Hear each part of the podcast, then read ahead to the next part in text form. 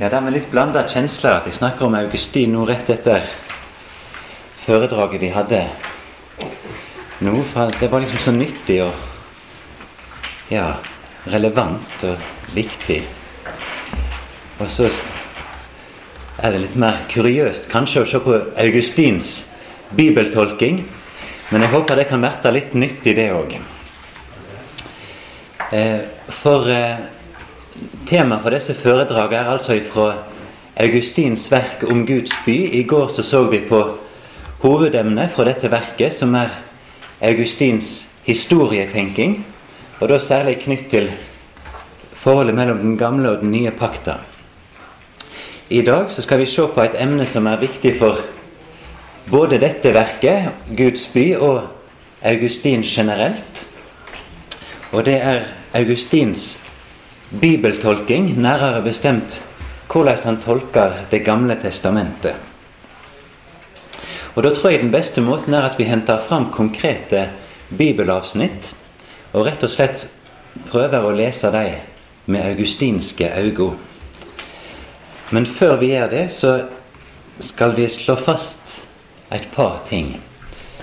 Eh, og det aller første er kanskje at vi bør slå fast den grunnleggende føresetnaden for Augustins bibeltolking. Eh, den føresetnaden blir fyndig uttrykt i ei kjent setning fra ei av Augustins preiker, nemlig 'Eg trur for å forstå'. Jeg trur for å forstå. Eh, vi kan si at denne setninga målbærer Augustins filosofiske program. Uten tru så når ikke et menneske fram til sanninga om seg sjøl, om verda, om den røyndommen som vi eksisterer i. Men vi kan òg overføre denne setninga på bibeltolkinga. For Augustin let trua være det styrende prinsippet når han leser Bibelen. Kirkefaderen begynner med å tro at, Skrifta er heilag, at hun er Guds inspirerte ord, og at Jesus, Jesus Kristus djupest sett er innholdet i hvert ord og hver setning i Det gamle testamentet. Og det er denne trua som er det styrende prinsippet når han tolker Bibelen, og når han tolker gammeltestamentlige tekster. Men ved å la trua være det styrende prinsippet, så kommer Augustins tenkemåte i sterk kontrast til moderne bibelvitenskap og den tenkemåten som er vanlig i dag. Eh, for ved akademiske institusjoner nå så er det tvert om en selvsagt ting at bibelforskinga ikke kan la seg dominere av ei trusoppfatning, men må bygge på ei strengt fornuftig gransking av tekstene. Så Derfor er jo fagteologer i dag øvde opp til å tenke historisk og litterært om Bibelen. Og Nå er det ikke slik at Augustin er imot å bruke fornuft når han leser Bibelen. Og han er på ingen måte imot at historisk og litterær og språklig kunnskap skal opplyse bibellesinga. For gang på gang så ser vi at Augustin, som sjøl var lærer i retorikk og hadde ei grundig språklig og litterær skulering, at han sjøl tar historiske redskaper i bruk når han tolker. Men skilnaden på en oldkirkeleg og en moderne teolog ligger nettopp i synet på hva som skal være det grunnleggende prinsippet, den styrende krafta i bibellesinga. Augustin sier det er trua. Moderne teologer sier det er menneskets rasjonalitet så langt det rekker. Eh, denne motsetninga mellom trusprinsippet og fornuftsprinsippet eh, krever en djupere refleksjon som vi ikke har tid til å ta her nå, men som likevel skal være nevnt. At nettopp denne motsetninga eh, krever refleksjon over hva rasjonalitet egentlig er. Hva er det å tro, hva er det å vite? Hva grunnlag har vi for å tro eller avvise en budskap? Det er spørsmålet en må reflektere over før en kan vurdere hvem som har rett, for å si det slik. Av trua sin lesemåte eller fornufta sin lesemåte. Eh, vi tror jo selvsagt Vi følger jo Augustin i dette. Eh, så la oss nøye oss med å slå fast at når Augustin og andre kirkefedre tolker Det gamle testamentet, så nytter de i hovedsak undervisninga til Jesus og apostlene som lykler for å trenge inn i Skriftene sin mening. Men hva slags ord av Jesus og apostlene er det da Augustin bruker som tolkingslykkel til å åpne Skriftene? Og Vi kunne trukket fram mange nytestamentlige utsegner, men la oss avgrense oss til to. For det første Jesu ord i Lukas evangelium, kapittel 24, vers 27. Så tok han til fra Moses og alle profetene, og i alle skriftene la han ut for deg det som er sagt om han det. Og et annet ord som er viktig for Augustins bibeltolking, er et vers fra Galaterbrevet, kapittel 4, vers 24, der Paulus snakker om Sara og Hagar som symbol på to pakter. Og så sier apostelen i dette ligger det ei djupere mening under. For de to kvinnene er to pakter. Så på grunnlag av disse to bibelordene så kan vi formulere Augustins bibelsyn i to setninger. Og så skal vi bruke resten av timen på å se hva disse to setningene egentlig innebærer. Men den første er altså at Det gamle testamentet er et profetisk og allegorisk skrift. For det andre at hovedinnholdet i Det gamle testamentet er Kristus og kyrkja. Så i Augustins tanke så er Bibelen profetisk og allegorisk. Og profeti er jo et ord som vi kristne er godt innforstått med i dag. Vi er overtydd om at Det gamle testamentet på mange måter spådde om Messias, Kristus, som skulle frelse oss mennesker fra våre synder. Men omgrepet allegori er vi ikke like fortrulige med. Det er vel heller slik at vi stiller oss litt skeptiske til uttrykket allegori. Kanskje knytter vi dette ordet til spekulative, fantasifulle tolkinger som går langt utover sunn bibellesing. Og nå skal ikke jeg her i første omgang prøve å felle en teologisk dom. Jeg skal bare prøve å gjøre det tydelig hva Augustin legger i omgrepet allegori. Som alle bibellesere vet, så fins det flere slags bøker i Det gamle testamentet. Det fins flere litterære sjangre. Vi har den historiske litteraturen, til dømes Første Mosebok. Vi har poetisk visdomslitteratur som jobbsbok. Vi har profetiske bøker. Og Augustin er fullt klar over denne skilnaden mellom ulike bibelske bøker. Og jeg vil påstå at tolkingsmetoden hans ikke er helt lik når han leser historiske og når han gransker profetiske bibelskrifter. Eh, jeg vil påstå eh, at når en leser dette verket Guds by, så blir allegori som tolkningsmetode først og fremst knytt til den historiske bibellitteraturen. Så la oss se på den først. Så skal vi etterpå se på tolkningsmetoder for profetlitteraturen. Det er i historielitteraturen at Augustin finner allegorier som peker framover mot Kristus og kyrkja. Men så var det spørsmålet, da. Hva mener Augustin med allegori? Litt forenkla så prøver jeg meg på påstanden at Augustin prinsipielt ikke legger noe annet i omgrepet allegori enn Paulus i Galaterbrevet 4, vers 24. For når det i vår bibel står omsett slik I dette ligger det ei djupere mening. De to kvinnene er to pakter så bruker apostelen det greske ordet allegorein. Å allegorisere, hvis en skal omsette helt Hvis en skal transkribere ordet eller omsette helt bokstavelig. Så bokstavelig og klønete så kan vi omsette verset slik at Paulus sier disse tinga er allegoriserte. Hatina estin allegoromena. Eh, disse tinga er allegoriserte. De to kvinnene er to pakter. Men saka er bare den at dette greske ordet 'allegorein' og 'allegorisere' det er ikke et, noe mystisk ord. Egentlig så bør vi omsette det slik og si to ting samstundes. Å si to ting samstundes. Allegori er altså at det ligger to nivå i teksten. For det første et ytre historisk nivå. Sara og Hagar er to virkelige historiske kvinner. Og for det andre et åndelig, profetisk nivå. Sara og Hagar er symbol på to pakter. I bok 16 kapittel 2 av Guds by så gjør Augustin presist greie for bibelsynet sitt. Han sier at hele Skrifta er historisk sann, og en skal aldri nekte den bokstavelige historiske meninga.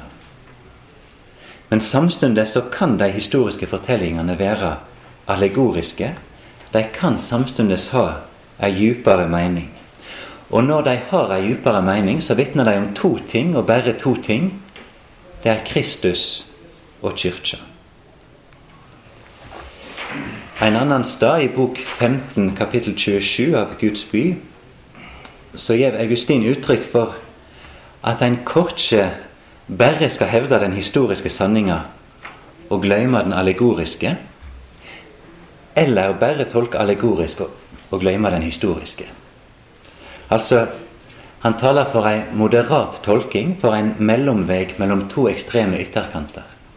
Skrifta er historisk, men hun er òg til dels allegorisk. Ikke alt er allegorisk. Alt er historisk. Og somt har òg et djupere åndelig nivå. Eh, men, sier Augustin, det er det profetisk allegoriske som er det viktigste i Det gamle testamentet. Og det i Det gamle testamentet som ikke har profetisk, allegorisk mening med tilvisning til Kristus og kyrkja, det som bare er historisk, det står der for å stø opp om det som har profetisk og allegorisk mening. Og Augustin forklarer denne tanken med to bilder. Eh, for det første plogen fra landbruket. Altså Det er jo egentlig bare plogskjæret på en plog som kløyver jorda. Men for at en skal bruke det plogskjæret, så må det ha et håndtak som mennesket kan holde i og, og faktisk bruke plogskjæret. Og på gitaren, eller på sitaren som Augustin sa, så er det strengene som lager lyden. Men en trenger likevel en kasse rundt for at en skal kunne bruke de strengene. Og nett slik er det med det historiske og det profetiske, eller det historiske og det allegoriske i Det gamle testamentet. At det er det åndelige profetiske som er plogskjæret, som er strengene som lager musikk. Men så er det historiske stoffet òg guddommelig, viktig. Det må stå der og stø opp om den profetiske budskapen. Men et avgjørende poeng når vi snakker om Augustins allegori, altså Augustins måte å se to nivå i teksten på, et historisk og et åndelig, det er at Augustins allegori er fullstendig nytestamentlig på den måten at han holder seg innenfor det nytestamentlige universet. Eh, vi skal prøve å se nærmere når vi leser bibelteksten. Men, men Augustins allegori går aldri ut over læra i Det nye testamentet. Augustin setter ned Han er, åpen for jeg skulle nesten sagt kreativitet når han leser Bibelen. Men han setter grenser. Han det en veldig klår grense. Skrifta vitner ikke om annet enn Kristus og kyrkja. Eh, så Derfor er dette en langt mer nøktern allegorisk metode enn mange andre. Eh, allegoriske metoder som går ut av det nytestamentlige universet. Eh, et eksempel. Den jødiske lærde, Filo av Alexandria, som òg nytter allegorisk metode, han kan f.eks. si at Abraham, Isak og Jakob er bilete på de tre grunnprinsippene i den greske utdanninga. Eh, da har han trukket ei line fra Bibelen ut av det bibelske universet til noe i det sekulære samfunnet, i den sekulære kulturen. Det gjør ikke Augustin. Um, altså, Det er ikke nødsynt å bruke fremmedord her. Jeg liker egentlig ikke fremmedord og fagsjargong, men hvis en skal bruke fremmedord, som kan være oppklarende for somme, eh, så kan vi kalle Augustins allegoriske metode for bibelimmanent. Altså, den blir i Bibelen. En kan kalle filo sin til dels for bibeltranscendent. Den går ut av Bibelen òg.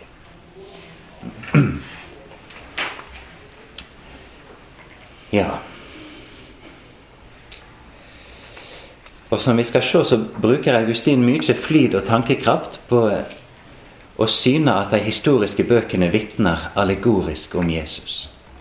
Og han finner profetier og åndelige budskap på steder som vi nok aldri har tenkt var profetiske eller åndelige. F.eks. som vi skal se om Noah som planter en vingard og drikker seg drukken.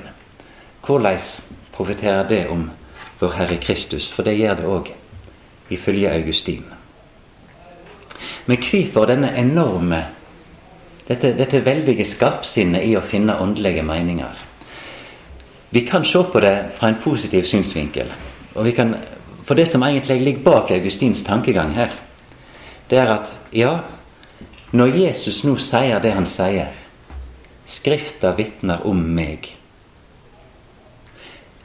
Ja, så plikter den sanne teologen å ta dette på alvor, da. Og lese Skriftene med en enorm detaljiver, slik Augustin gjør. Han kunne nok det meste av Det gamle testamentet uten boks. Når Kristus sier det han sier, så må vi ta han på alvor, da. Og så må vi se hvordan Skriftene vitner om Kristus. Og så kan vi være usamde med resultatet, men det ligger egentlig noe litt fint bak. Kan du snakke litt høyere? Ja, jeg skal Jeg skal prøve på det. Ja. Og når Paulus sier det han sier, at israelsfolket på deres vandring i ørkenen var føredømme på oss. Ja, tenker Augustin, så plikter teologen da å finne de åndelige meningene og se hvordan israelsfolket er en profeti om kyrkja. Men da tror jeg vi har kommet så langt at vi skal lese et avsnitt sammen fra første Mosebok, kapittel 9, vers 20-27. Jeg må finne fram ei klokke.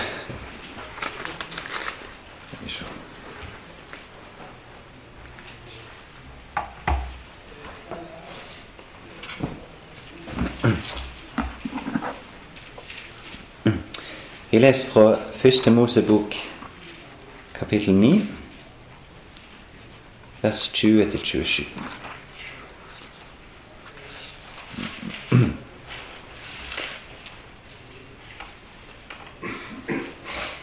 Og Noah var jorddyrker, og han var den første som planta en vinhage.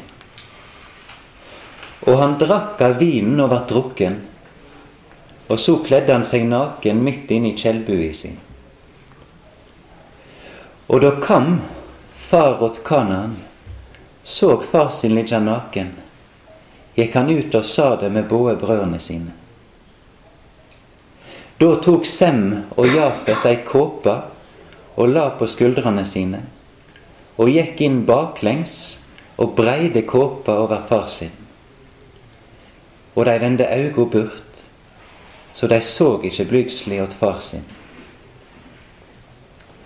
Da så Noah våkna av ruset, fikk han vite hva den yngste sønnen hans hadde gjort imot ham. Da sa han, Forbanna skal Kanaan være. Den lågaste av alle treler skal han være for brødrene sine. Så sa han, Lova være Herren, Sems Gud, og Kanaan være deira træl. Gud gjere det romt for Jafet. Under teltet hans Sem skal han bu, og Kanaan være deira trel. Ja. Her hører vi altså om bakgrunnen for at Noah velsigner Sem og Jafet og forbanner Kam. Som den første i menneskeætta så har Noah planta en vingard. Han er ikke van med vin og drikker seg drukken. Noah kler seg naken inn i teltet sitt. Og så hender det at Kam kommer inn og ser far sin, familiens overhoved, i ei lite ærefull tilstand. Han går ut av teltet og forteller de to brødrene sine hva han har sett. Så da rygger altså Sem og Jafet baklengs inn med ei kappe på skuldrene og legger kappa over Noah uten å se han naken. Og slik heidrer de far sin. Og da Noah våkner, så blir han harm på kam for det han har gjort, men han velsigner Sem og Jafet for velgjerninga deres. Og så spør Augustin er dette bare ei historisk fortelling med et litt spesielt innhold, eller har dette ei djupere mening? En viktig del av Augustins tolking er at han mest alltid ser ei djupere mening i personnavn. Um, navnet Sem, ifølge Augustin Her heller jeg meg bare til hans tolking av navnet, altså, fra hebraisk. Ifølge Augustin så tyder navnet Sem navngjeten eller berømt. Og så spør han hva navn er mer kjent mellom folkeslaga enn Kristi navn? Hva navn anger mer juvleg over hele jordeheimen enn navnet åt Jesus? For det står skrevet i høgsongen Dine salver anger så juvleg. Ein utrent salve er ditt navn. Så Derfor sier Augustin at Sem er et forbilde på Jesus. Men videre står det skrevet at Jafet skal bo i Sems telt. Navnet Jafet ifølge Augustin tyder breide. Og det vil si at hele breida av folkeslaga, av rasene og stammene, skal ha en plass i Kristi kyrkje. Men hva så med Kam? Ja, navnet Kam tyder varm. Og Kam representerer alle vranglærere og kjettere gjennom tidene. Som er varme, de brenner av tråd etter egen vinning og egen ære. Men vi las jo i teksten at Kam skal være Sems og Jafets trell.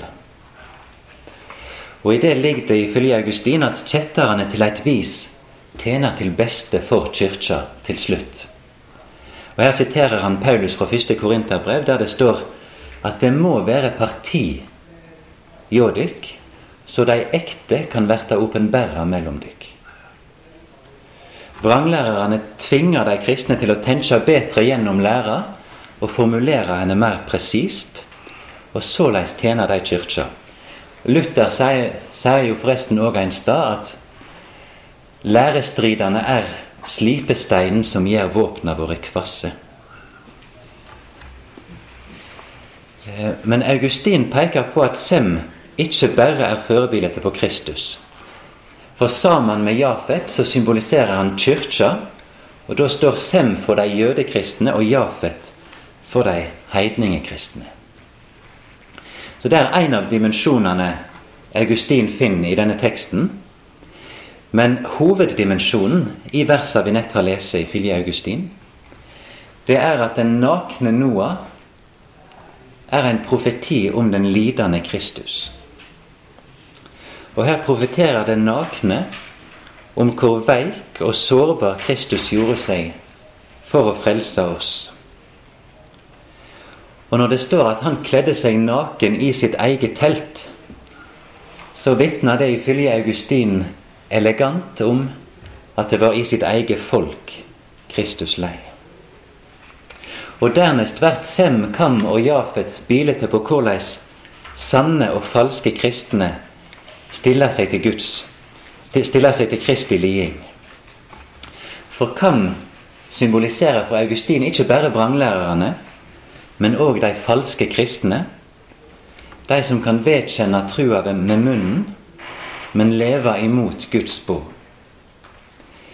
Kam symboliserer de utvortes fromme, som kan snakke om Kristus og vitne om Kristus uten å kjenne han i hjertet. Og hvordan kommer Augustin fram til at Kam symboliserer dette? Jo, for ved å gå ut av teltet Han er den som går ut av teltet der Noah, Kristus, var. Og ved å gå ut av teltet så blir Kam et bilde på den utvortes fromleiken. Men at Sem og Jafet går baklengs inn i teltet, det viser hvordan sanne kristne heidrer Jesus ved å være fromme i hjertedjupet. Liksom Sem og Jafet går inn i teltet, så går de sanne kristne inn i seg sjølve, inn i sitt eget sjeleliv, for å leve inderlig med Gud der. For så å si å bevare skatten Kristus i hjertedjupet. Og På samme tid så peker da Augustin på at Sem og Jafet symbolsk vender ryggen til uretten, som øversteprestene og rådet gjorde mot Kristus da de dømte han til døden. Bare for å syne Augustins øye for detaljer, så kan vi jo spørre med til denne kappa som de breier over Noah. Hva, hva med den? Augustin sier at kappa som blir lagt over den nakne Noah, symboliserer nattverdssakramentet. Det at de to brødrene rygger baklengs inn med denne kappa over skuldrene, viser at kyrkja så å si står med ryggen til historia. Vi feirer ikke en Kristus som skal komme, men den Kristus som er kommet, som har lie og døyd for oss i billedlig mening, som har kledd seg naken for oss. Eh, så langt Augustins tolkning av første Mosebok. Vi kunne gått enda videre, men jeg vet ikke om det er føremålstjenlig.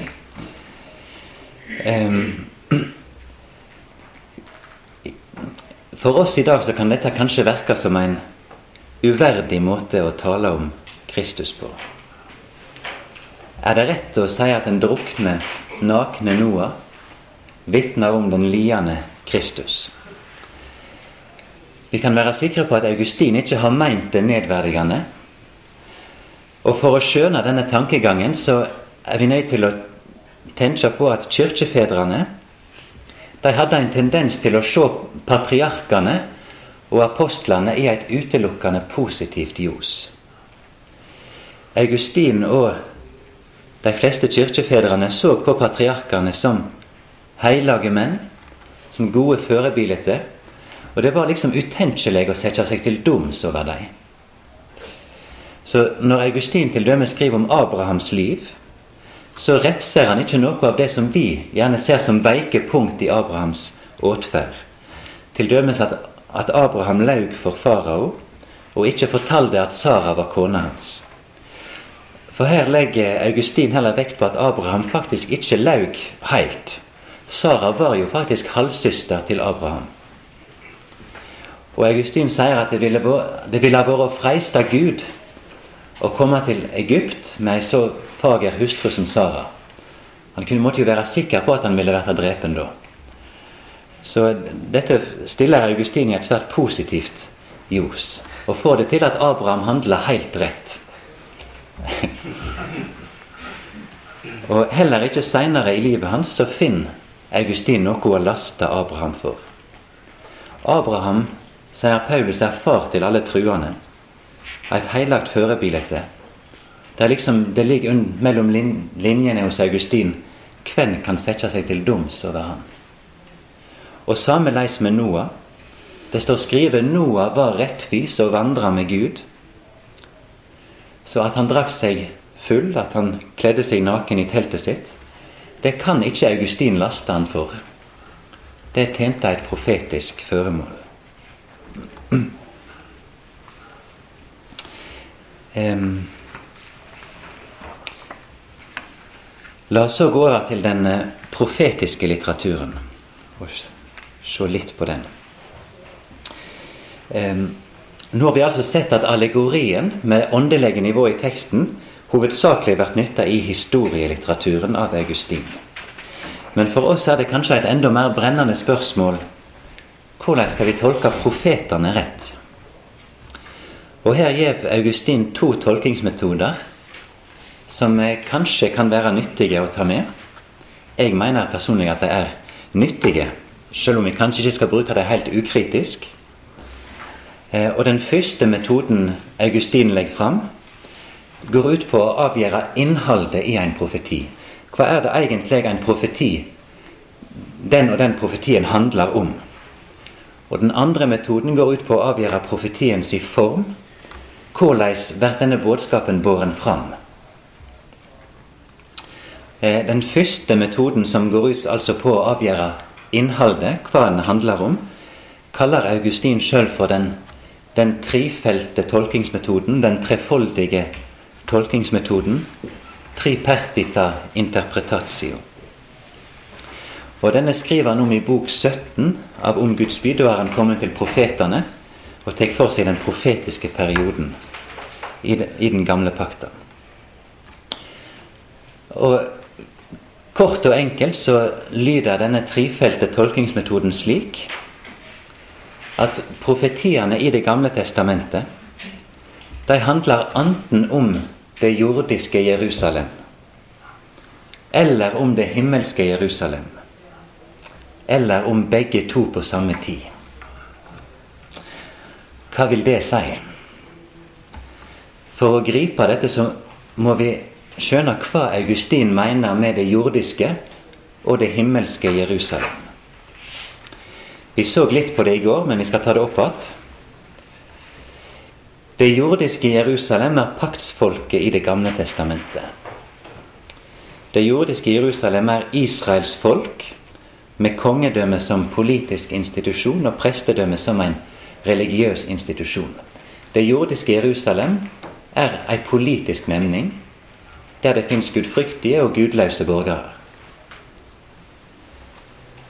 Det himmelske Jerusalem er et veldig viktig omgrep for Augustin. Og La, la oss si det slik at det himmelske Jerusalem, det er alt det evige og varige som det jordiske Jerusalem var et førebilde på. Det himmelske Jerusalem er alt det evige og varige som som disse institusjonene, kongedømme, prestedømme, i Israel profeterte om. I det jordiske Jerusalem så var det til hver tid en konge som selvsagt bare kunne regjere så lenge han anda og hjertet slo. I det himmelske Jerusalem er Kristus den evige kongen, som det jordiske kongsembetet profeterte om. I det jordiske Jerusalem så fantes det øverste prester og offer, men prestene ble skiftet ut, og offera lot bæres fram på nytt og på nytt.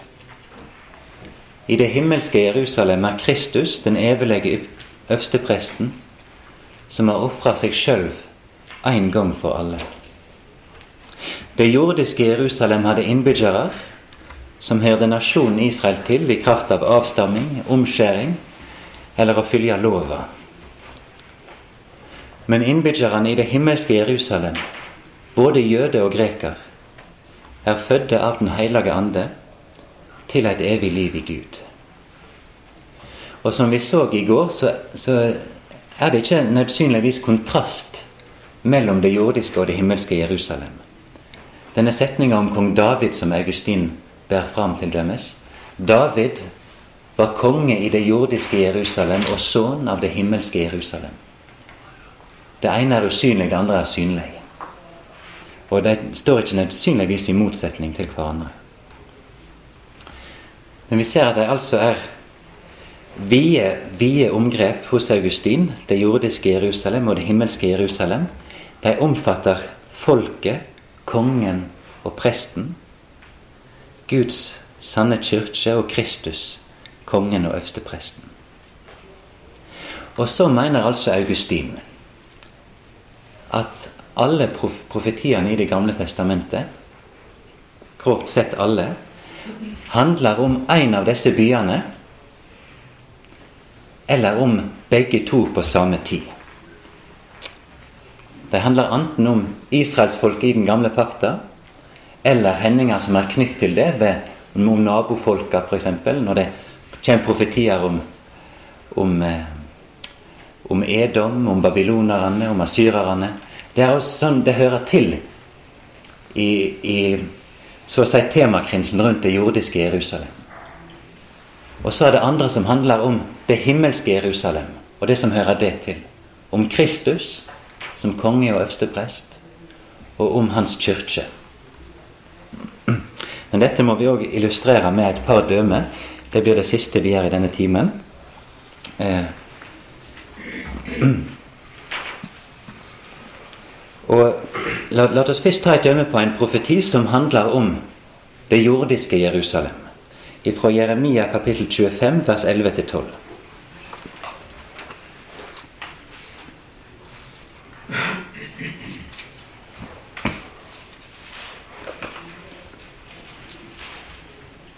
Ja, det er jo en, en nokså kjent profeti om, eh, om det babylonske fangenskapet. Og hele dette landet skal verta til auden og øyemark.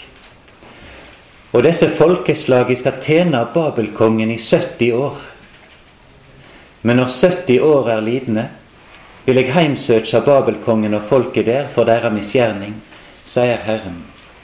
Og kaldeerlandet vil jeg heimsøke og gjøre det til evelege øyemarker. Så denne profetien vil altså Augustin se som en nokså beinveges profeti. Rett fram om hva som skal hende med det jordiske Jerusalem og fienden hennes Babel om 70 år. Da skal det være ute med Babels makt, og folket skal vende hjem ifra fangenskapet. Det er en profeti om det jordiske Jerusalem. Men la oss ta en profeti som handler om det himmelske Jerusalem. Og vi kan ta fra Jesaja kapittel 35. Og Vi leser de fire første versene der.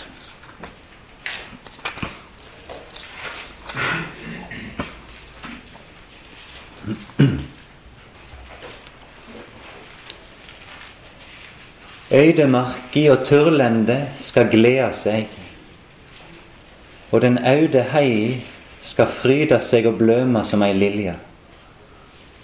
Hun skal bløme og fryde seg, ja, fryde seg og synja. Herlegdomen åt Libanon har hun fått, Karmels og Sarons pryd. De skal sjå Herrens herlegdom, vår Guds pryd. Styrk de valne hender, og gjør de ustøe kne sterke. Sei til dei urolege hjarta, vær frihuga, ottast ikkje. Sjå, der er dykkar Gud.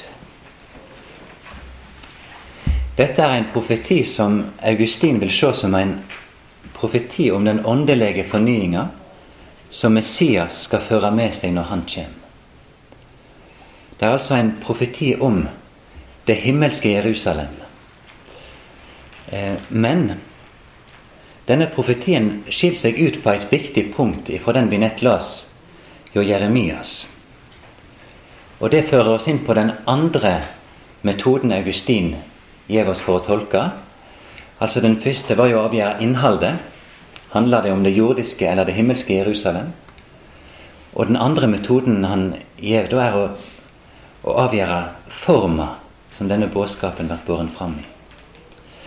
Eh, og da er det jo slik at medan Jeremias profeterte helt tydelig og bokstavelig om 70 år skal det og det skje, så taler Jesajas i dette avsnittet ikke bokstavelig, men med bilete i overført tying.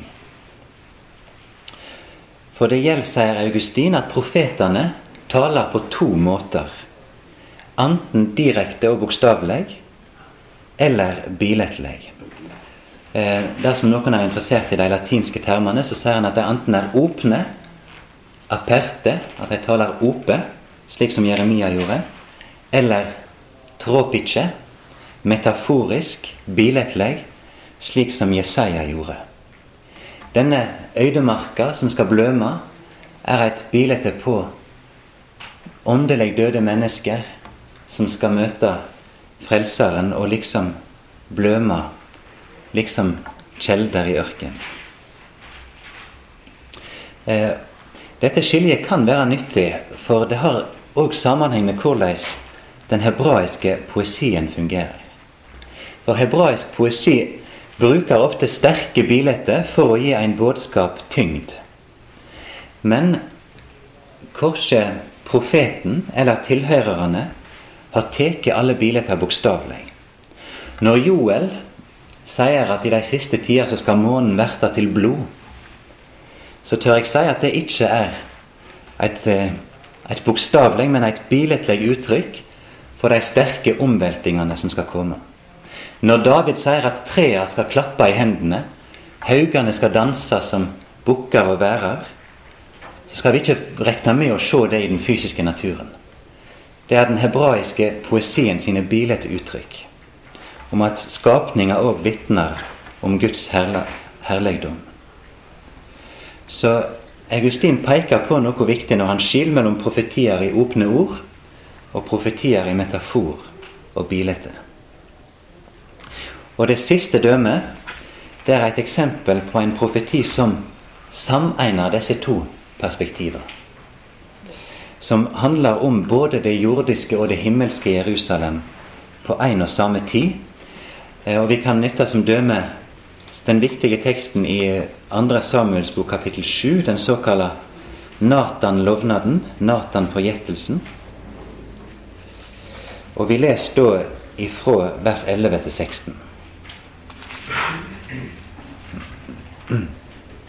Siste del av vers 11.